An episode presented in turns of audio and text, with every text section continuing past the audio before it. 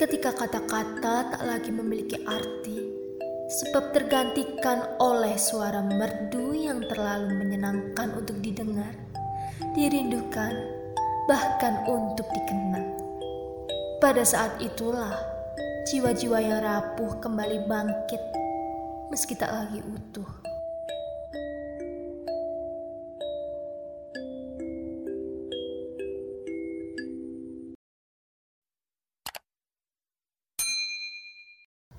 Halo Sobat PSP, selamat datang di podcast PSP Peace Art.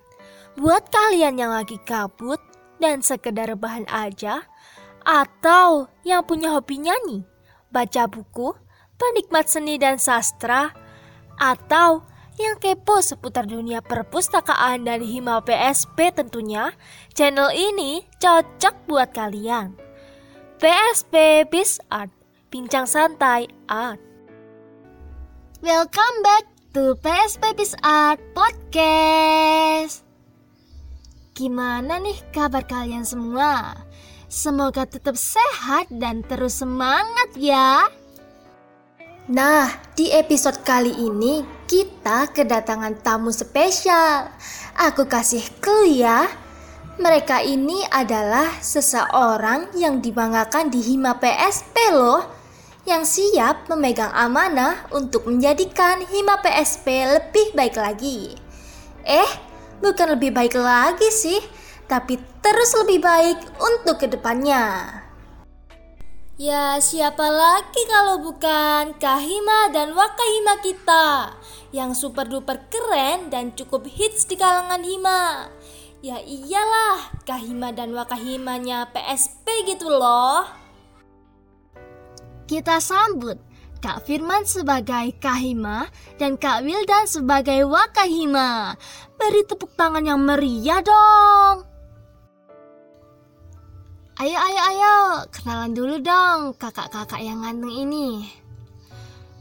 FYI guys, Kak Firman ini perantau paling jauh loh di Hima Angkatan 2019. Tepatnya di Provinsi Lampung. Makanya udah gak asing lagi. Temen-temen manggil Kak Firman ini dengan sebutan Pung, Lampung. BTW, ciri khas Lampung itu apa sih? Kalau Kak Wildan mah asli Surabaya guys. Temen kini loh Arek-arek Surabaya pasti ngerti daerah iku. Iya gak sih Rek? Halo teman-teman, kenalin Nama saya Muhammad Wildan, saya benar asli dari Surabaya. Saya di Hima Angkatan 2019. Ya, mungkin kalau kita bicara ciri khas dari Surabaya ya, masyarakat semua masyarakat semua itu pasti tahu lah. Kalian-kalian juga tahu. Bahasanya kota Surabaya ini kan juga menjadi salah satu ibu kota provinsi Jawa Timur. Jadi mungkin nggak perlu dijelaskan panjang lebar lagi. Halo teman-teman, perkenalkan. Nama saya Firman Umar Hidayat. Iya, seperti yang disampaikan kakaknya tadi Saya memang dari Lampung, asal saya dari Lampung. Makanya teman-teman di kampus memanggil saya dengan julukan Lampung. Oh iya, mengenai ciri khas Lampung ya. Eh, Banyak sih ciri khas Lampung. Mungkin yang di benak sebagian besar masyarakat itu Lampung itu identik dengan begalnya. Iya. Tapi nggak hanya itu kok.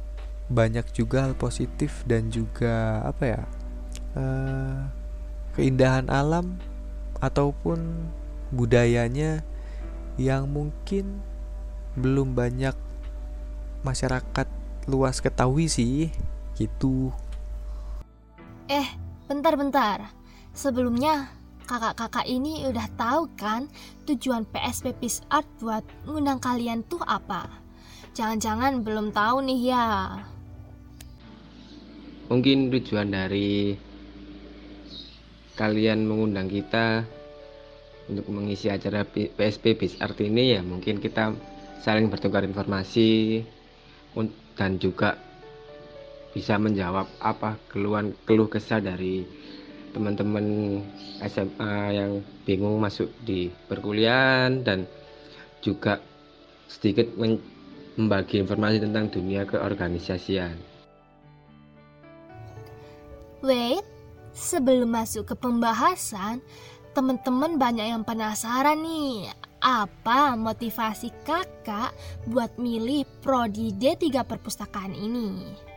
Hmm, Kak Wildan dulu aja deh. Waduh, ini pertanyaan yang cukup menarik dan sangat sensitif sih.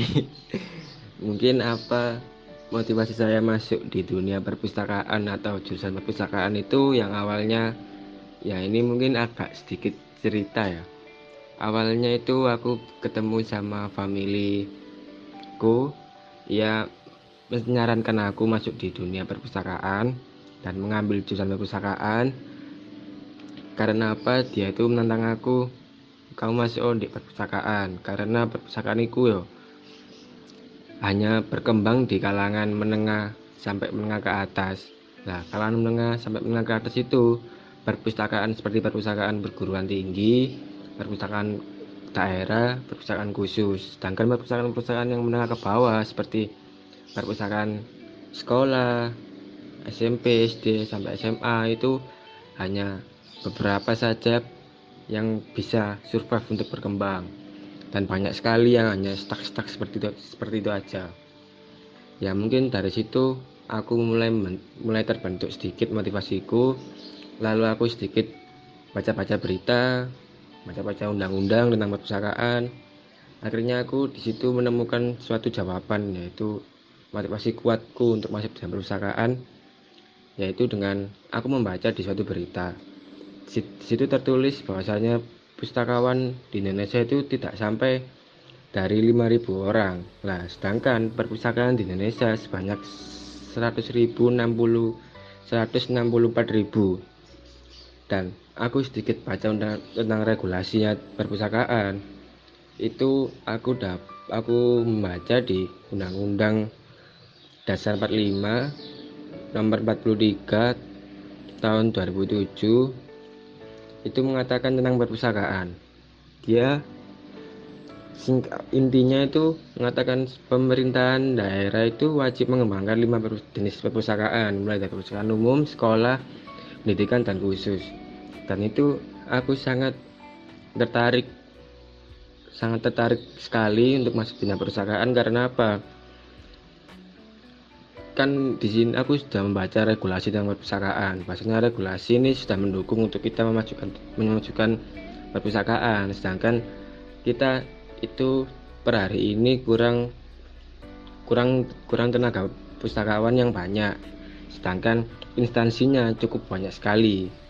Ya, mungkin itu menjadi motivasiku kuat untuk masuk di dunia perpustakaan. Wah, keren banget Kak Wildan. Iya, aku setuju nih dengan motivasinya Kak Wildan. Kalau Kak Firman sendiri gimana? Uh, berbicara mengenai motivasi, kalau dari aku sendiri itu motivasiku memilih prodi D3 perpustakaan itu karena aku ingin keluar dari zona nyaman diriku pada saat itu yang mungkin Aku itu terus menerus ingin selinier dengan hobiku yang di bidang seni. Dan aku juga berpikir aku bisa apa ya, menjadi sukses tidak hanya dengan hal yang aku inginkan gitu loh. Yups, bener banget. Bukan program studi langka, tapi bukan favorit juga. Karena anggapan prospek kerja yang terbatas. Bidang keilmuannya diprediksi akan kian penting seiring perkembangan teknologi digital. Tapi, pernah nggak sih ada orang yang ngeremehin kakak karena ngambil jurusan ini? Misal nih ya, ah ngapain sih ambil jurusan perpustakaan? Toh nanti juga jadi penjaga perpustakaan doang. Buang-buang waktu aja kamu. Nah, itu gimana nih kak? Nah, pertanyaan yang menarik nih. Jadi, uh, aku ada satu pengalaman ketika aku masih di maba. Aku berangkat kuliah nih ya, aku berangkat kuliah pagi-pagi. kemudian aku mesen gojek nah pas di tengah perjalanan itu ada sedikit perbincangan gitu aku sama abang gojeknya pas itu abang gojeknya nanya masnya mau kuliah? Iya kataku. Terus dia nanya lagi kuliah di mana mas? Di uner kataku. Dia nanya lagi jurusan apa ya mas kalau boleh tahu? Aku jawab lah perpustakaan mas. Oh perpustakaan? Kenapa nggak ambil hukum aja mas? Aku ketawa dong. Aku ketawa aja terus dia nanya lagi kalau kuliah jurusan perpustakaan itu nanti kerjanya ngapain ya mas? Masa cuman nata-nata buku aja katanya gitu.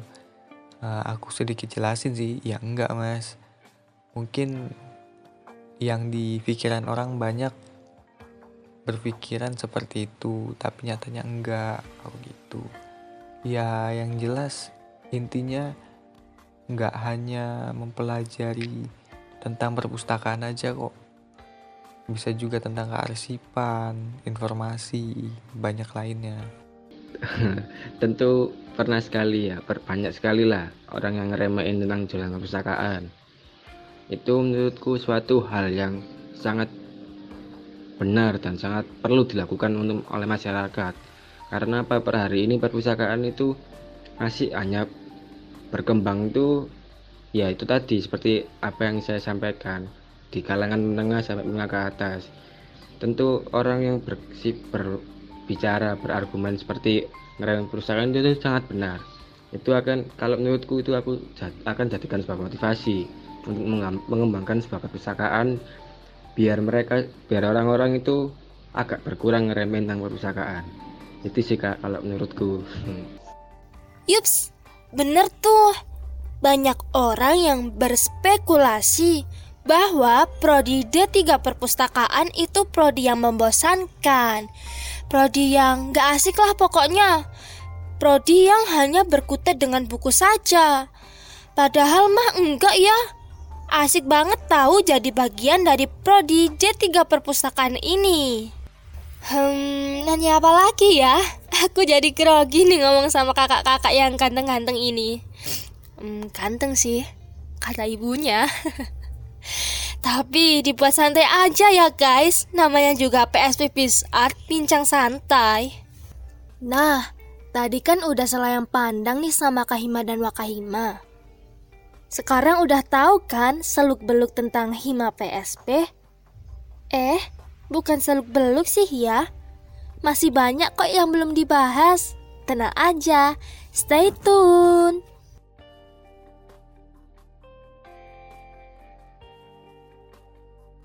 By the way, pernah nggak kalian berbeda pendapat kalau pas lagi rapat atau diskusi gitu?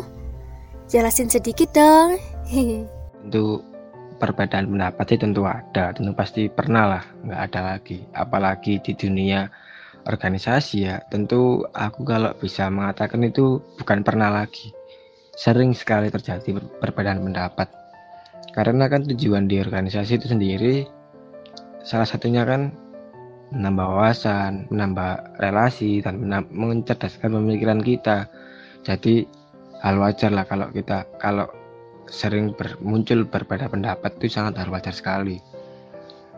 Dan kalau menurutku ya pas untuk mengatasi perbedaan pendapat itu kita harus saling mengeluarkan antitesa yang sebanyak mungkin. Kita harus saling membenturkan antitesa kita dan antitesa orang lain karena itu semakin banyak antitesa yang dikeluarkan akan semakin semakin muncul secara cepat lah jawaban dari jawaban jawaban ya istilahnya sintesa sintesa dari sebuah antitesa tersebut. Jadi kurang lebihnya itu kalau menurutku untuk menyelesaikan masalah perbedaan pendapat itu ya kita harus saling mengeluarkan sebanyak-banyaknya antitesa antitesa tersebut itu sih kalau menurutku kak ya Oke, jadi kalau ditanya pernah atau tidak berbeda pendapat saat diskusi, jawabannya adalah pernah. Karena setiap individu memiliki sudut pandang dan pola pikir yang berbeda-beda gitu dalam menyelesaikan masalah. ataupun mengutarakan ide-ide dan gagasannya. Namun, di balik perbedaan itu tadi, kita tetap memiliki tujuan yang sama gitu. Nah, jadi ketika ada perbedaan pendapat, biasanya kami akan meninjau ulang mana nih pendapat yang lebih efisien untuk menyelesaikan masalah ataupun menghadirkan gagasan-gagasan yang baru gitu. Atau bahkan kami saling melengkapi gitu antara kedua pendapat. Karena ya kami paham betul buat menentukan suatu kebijakan itu nggak bisa sambil main-main gitu. Selain dari harus menurunkan ego juga ya harus lebih bisa memunculkan sisi kedewasaan masing-masing gitu. Dan ada saatnya pendapatku tidak diterima kemudian juga ada saatnya pendapat wakilku tidak diterima seperti itu.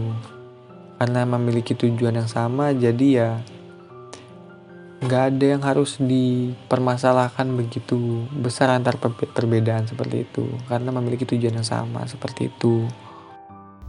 Wah cukup menarik sekali ya tapi jujur aku nggak sanggup lah kalau disuruh jadi kahima atau wakahima aku mah apa tuh cukup jadi presenter podcast ini aja, yang pastinya bisa menghibur kalian semua dan bermanfaat tentunya. Oh iya, dengar-dengar Hima PSP punya divisi yang hebat-hebat ya? Kasih tahu dong, mungkin pendengar yang lain belum tahu. Apa aja sih divisi di Hima PSP itu? Uh, Oke, okay, jadi di Hima PSP sendiri memiliki tujuh divisi di antaranya itu ada yang pertama divisi humas, hubungan masyarakat, kemudian eh, kesenian, olahraga, infokom, divisi industri kreatif, kemudian juga divisi PSDM dan kepustakawanan seperti itu. Nah, itu guys, divisi-divisi yang ada di Hima PSP. Oh iya, Tadi kan selain divisi yang disebutkan, aku mendengar ada divisi kepustakawanan ya. Apa itu bisa menjadi ikonik di prodi D3 perpustakaan ini? Um, boleh kasih tahu sedikit dong, salah satu program kerja yang menarik di divisi kepustakawanan menurut kalian itu apa? Uh, Oke, okay, jadi kalau ditanya proker yang menarik di divisi kepustakawanan itu apa? Uh, buat diriku pribadi semua proker yang ada di semua divisi itu menarik. Cuman untuk divisi kepustakawan sendiri ada satu proker yang mungkin berkesan buatku ya. Yaitu adalah TBM atau Taman Baca Masyarakat. Nah, pada Taman Baca Masyarakat itu seluruh anggota HIMA itu dapat berkumpul bersama anak-anak ataupun uh, siswa-siswa SD di sekitar TBM tersebut untuk belajar bersama, kemudian bermain, kemudian juga uh, bercerita. Pokoknya kegiatan-kegiatan yang menunjang nilai akademik mereka dan juga kreativitas mereka gitu. Jadi apa yang uh, sudah kita dapatkan di dunia perkuliahan, kemudian kita implementasikan pada TBM tersebut gitu. Jadi ilmu yang kita dapat itu nggak semata-mata kita ambil sendiri, tapi juga kita langsung praktekkan ataupun bagikan ke orang lain seperti itu. Kalau menurut Kak Wildan sendiri, apa? Jangan-jangan sama nih ya kayak Kak Firman. Itu loh TBM. Kalau program menarik tentang divisi kepustakawanan kalau menurutku sih sama seperti kayak Mas Firman yaitu tadi TPM di situ banyak sekali apa yang aku belum ketahui apa yang aku belum pelajari itu terjawab di suatu TPM tersebut di mana aku melihat sebuah TPM itu dan ikut menjalankannya itu salah satu mengingatkan pikiranku tentang apa aku harus peduli sama lingkungan aku harus peduli sama masyarakat. Pendidikan per hari ini itu di TPM itu sangat-sangat menjawab semuanya. Kan kan di TPM itu kita secara langsung berinteraksi dengan masyarakat dengan pelajar entah itu mahasiswa. Dan di situ akan kita banyak sekali sebuah informasi tentang apa sih yang kekurangan dari masyarakat ya mungkin panjang lebarnya seperti itu sih kak Wah, asik juga ya acara TBM ini. Hmm, jadi pengen balik lagi nih ke TBM. Ngajar bareng adik-adik, seru-seruan bareng adik-adik. Ya, semoga pandemik ini segera berakhir ya, supaya kita bisa pergi bareng-bareng ke TBM lagi. Nah, itu guys, divisi-divisi yang ada di Hima PSP. So, gak usah ragu lagi ya. Pilih D3 Perpustakaan Universitas Airlangga buat jadi jurusan impian kamu. Eh, eh, eh. Ini ada yang nanya nih di DM IG PSP Art dari Ed Rahayu Cicapie 123. Ya ampun, anak zaman sekarang ya, kalau bikin username Instagram yang panjang-panjang. Gak sekali ya nomor teleponnya dimasukin juga. Canda loh Rahayu. Ini kak, pertanyaannya. Saya baru aja stalking IG D3 Perpustakaan, nemu yang menarik, yaitu PSP Project. Bisa jelasin gak kak, apa sih PSP Project itu? Ayo, siapa yang mau jawab? Oke, jika berbicara mengenai PSP Project, jadi PSP Project itu adalah suatu proker ataupun program kerja yang diwadahi oleh divisi kesenian dalam rangka menyambut dan memeriahkan hari ulang tahun program studi D3 perpustakaan seperti itu. Nah, jadi di dalam serangkaian acara PC Project itu banyak hal-hal ataupun keseruan-keseruan yang ada seperti e, berbagai macam perlombaan, kemudian juga penampilan-penampilan yang menarik dari masing-masing angkatan, kemudian juga penampilan dari gueser yang sudah dia siapkan, dan masih banyak lagi keseruan dalam menyambut hari ulang tahun prodi D3 perpustakaan ini seperti itu. PC Project itu kurang lebihnya itu sama lah sudah diutarakan sama Mas Firman yaitu sebuah perayaan natalis dari prodi perpustakaan itu sendiri itu sih kak kan panjang lebarnya sudah dijelaskan sama Mas Firman Nah, jadi itu guys pemaparan singkat tentang Literat Project. Nantikan ya Literat Project 5.0 hanya di Hima PSP. Ngomong-ngomong, apa sih matkul favorit kalian berdua? Kalau aku sih sukanya storytelling. Gimana kalau Kak Firman? Jelasin ya alasan suka matkul ini. Kak Wildan juga gitu. Matkul favoritnya apa? Sama jelasin ya. Nah, kalau berbicara mengenai mata kuliah ya, mungkin mata kuliah favoritku itu di semester kemarin itu adalah desain grafis. Kenapa ya? Karena emang ada hobi di bidang desain aja sih. Jadi ketika ada mata kuliah desain grafis, ya seru aja gitu. Wah, Kak Firman juga suka desain grafis guys. Tahu gitu pas ada matkul desain grafis, pas ada tugas aku minta tolong aja ya ke dia. Kalau Kak Wildan apa nih matkul favoritnya?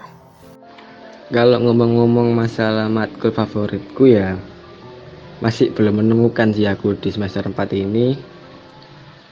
Menemukan yang aku sukai banget itu masih belum ada sih kak.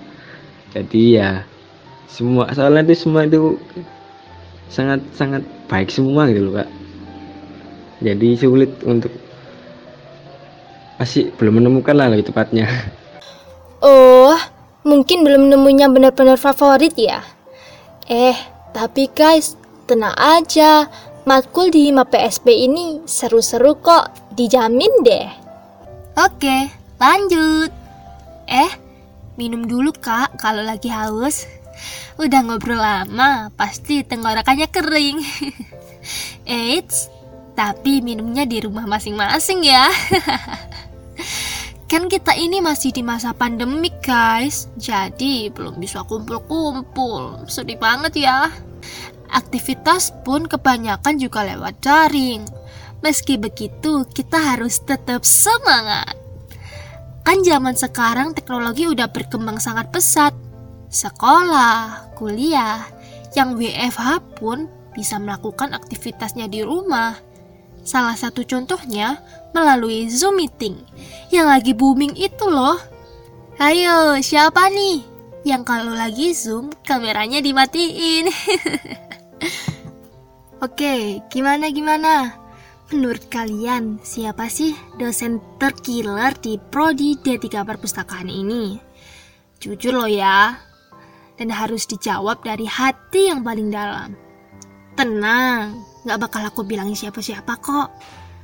Palingan juga pendengar yang tahu. nah, oke okay, oke. Okay. Kalau berbicara mengenai dosen, yang menurutku paling killer eh bukan killer sih.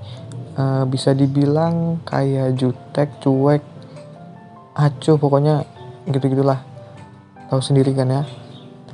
Kalau menurutku sih uh, Bu Dia ya. Soalnya ketika aku ngechat beliau jawabannya cuman kadang satu huruf kadang dibalas emot kadang cuma satu kata. Wih pokoknya. Kadang nggak dibalas cuma diri doang emang bukan prioritas kok. Iya emang benar kebanyakan teman-teman di IMA PSP um, mengkategorikan Budi itu sebagai dosen killer. Padahal menurut aku sih enggak ya. Kalau masalah chat nggak dibales ya itu biasa lah. Emang kan kita bukan prioritas ini menurut pandanganku ya karena aku terjun di dunia pendidikan. Itu tentu dosen tentu instansinya itu memiliki sebuah paradigma pendidikan. Mau mau seperti kayak gimana sih lulusan-lulusan di instansi tersebut? Ya mungkin itu dosen yang istilahnya terkiler itu yang suka marah-marah suka ngepressing suka egois. Itu mungkin mereka itu membuat sebuah paradigma. Jadi bahasanya itu ia membentuk sebuah karakter-karakter di mahasiswanya untuk menjadi lulusan-lulusan yang seperti apa yang apa yang mereka inginkan. Jadi menurutku nggak ada sih. Mm-mm, bener banget nih Kak Wildan. Sebenarnya spekulasi dosen terkiller itu nggak ada ya. Padahal dosen killer itu sebenarnya hmm, cara beliau mengajar itu untuk membentuk karakteristik pada diri mahasiswanya.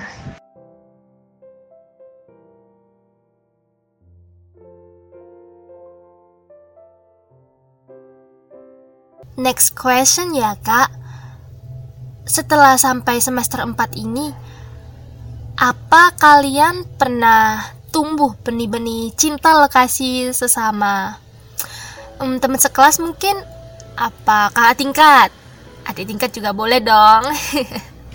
Hayo ngaku. Uh, oke okay, oke. Okay. pertanyaannya ini agak menarik ya. Jadi dari awal maba sampai dengan semester 4 ini uh, bisa dibilang nggak ada lah kayak cinlok cinlok gitu ataupun aduh. Pokoknya nggak nggak apa ya nggak kepikiran gitu buat ke situ. Karena aku mikir itu kalau semua anak-anak PSP ataupun perpustakaan itu ya keluargaku gitu loh. Jadi ya nggak ada gitu kalau misalkan cinlok-cinlok ataupun suka-suka. Tapi kalau mau tahu lebih jauh ya di belakang aja ya Jangan di sini, jangan di sini. Halah, masa sih Kak Firman? Pasti pernah nih. Malu-malu aja, mau di di sini, ya kan? waduh, waduh. Cinlok, tentulah kak. Pasti semua itu cinlok, cinta lokasi, cinta lingkungan yang sebegitu dinamikanya, sebegitu harmonisnya begitu romantikanya begitu berdialektikanya lokasi tersebut maka itu aku benar-benar cinta lokasi kepada dunia perpustakaan kepada hima perpustakaan pada prodi perpustakaan Universitas Erlangga tentunya. Oh alah, aku kira cinlok sama manusianya. Eh ternyata cinlok sama prodi sendiri. iya iya, nggak apa-apa. Bagus kok. Terus cintai prodi D3 perpustakaan ya. And last question. Nanti setelah lulus, kira-kira kalian ingin jadi apa sih? Atau karir seperti apa yang kalian inginkan? Setelah lulus di jenjang pendidikan sih aku ingin jadi Dewan Perwakilan Rakyat. ya, itu juga impianku sih sebagai salah satu masuk di lingkup pemerintahan. Entah itu PNS, entah itu menteri mungkin entah itu DPR ya. Dan aku juga ingin jadi bisnismen sih sebenarnya. Cuman aku lebih passion di dunia politik. Uh, oke okay, jadi jika ditanya uh, mengenai karir seperti apa yang ingin ataupun diinginkan setelah lulus kuliah nanti ya. Ya mungkin ada sedikit keinginan sebagai staf pengajar sih. Kemudian juga ada sedikit keinginan untuk bekerja di perpustakaan. Ya karena kan selinier dengan uh, perkuliahan. Terus juga ya pokoknya apa pun yang nanti diberikan oleh Tuhan pasti itu yang terbaik buat diriku gitu. Walaupun begitu ya kita sebagai manusia kan tetap berusaha agar keinginan kita itu bisa tercapai gitu. Karena aku sendiri ya pernah mendengar sebuah ataupun uh, sepenggal kalimat ataupun perkataan yang berbunyi seperti ini. Walaupun takdir tidak bisa diubah tapi nasib masih bisa diperjuangkan. Nah jadi dari kata-kata itu uh, tinggal seberapa besar aja kita memperjuangkan nasib kita kelak nanti gitu sih ya semoga uh, apa pun keinginan kita semua dilancarkan dan dimudahkan. Amin amin amin amin. Wah, keren banget keinginannya. Semoga semua harapan Kahima dan Wakahima bisa terrealisasi di masa depan. Yuk, bantu aminkan bareng-bareng teman-teman.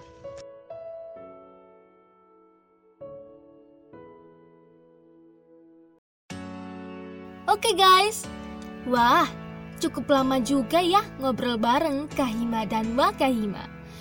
Gimana? Asik kan orangnya? Kalau ketemu langsung bakal semakin asik nih. Sun lah ya bincang lagi bareng Kahima dan Wakahima. Oh ya, buat kalian yang penasaran dan pingin stalking mereka berdua, cari aja di followersnya at Hima PSP. Pasti ada kok. Penasaran gak nih episode selanjutnya apa? Dijamin pasti bakal lebih seru dan menarik. Nah, maka dari itu, jadilah pendengar setia podcast PSP Peace Art. Bincang santai art eksklusif di Spotify. See you di episode selanjutnya, guys.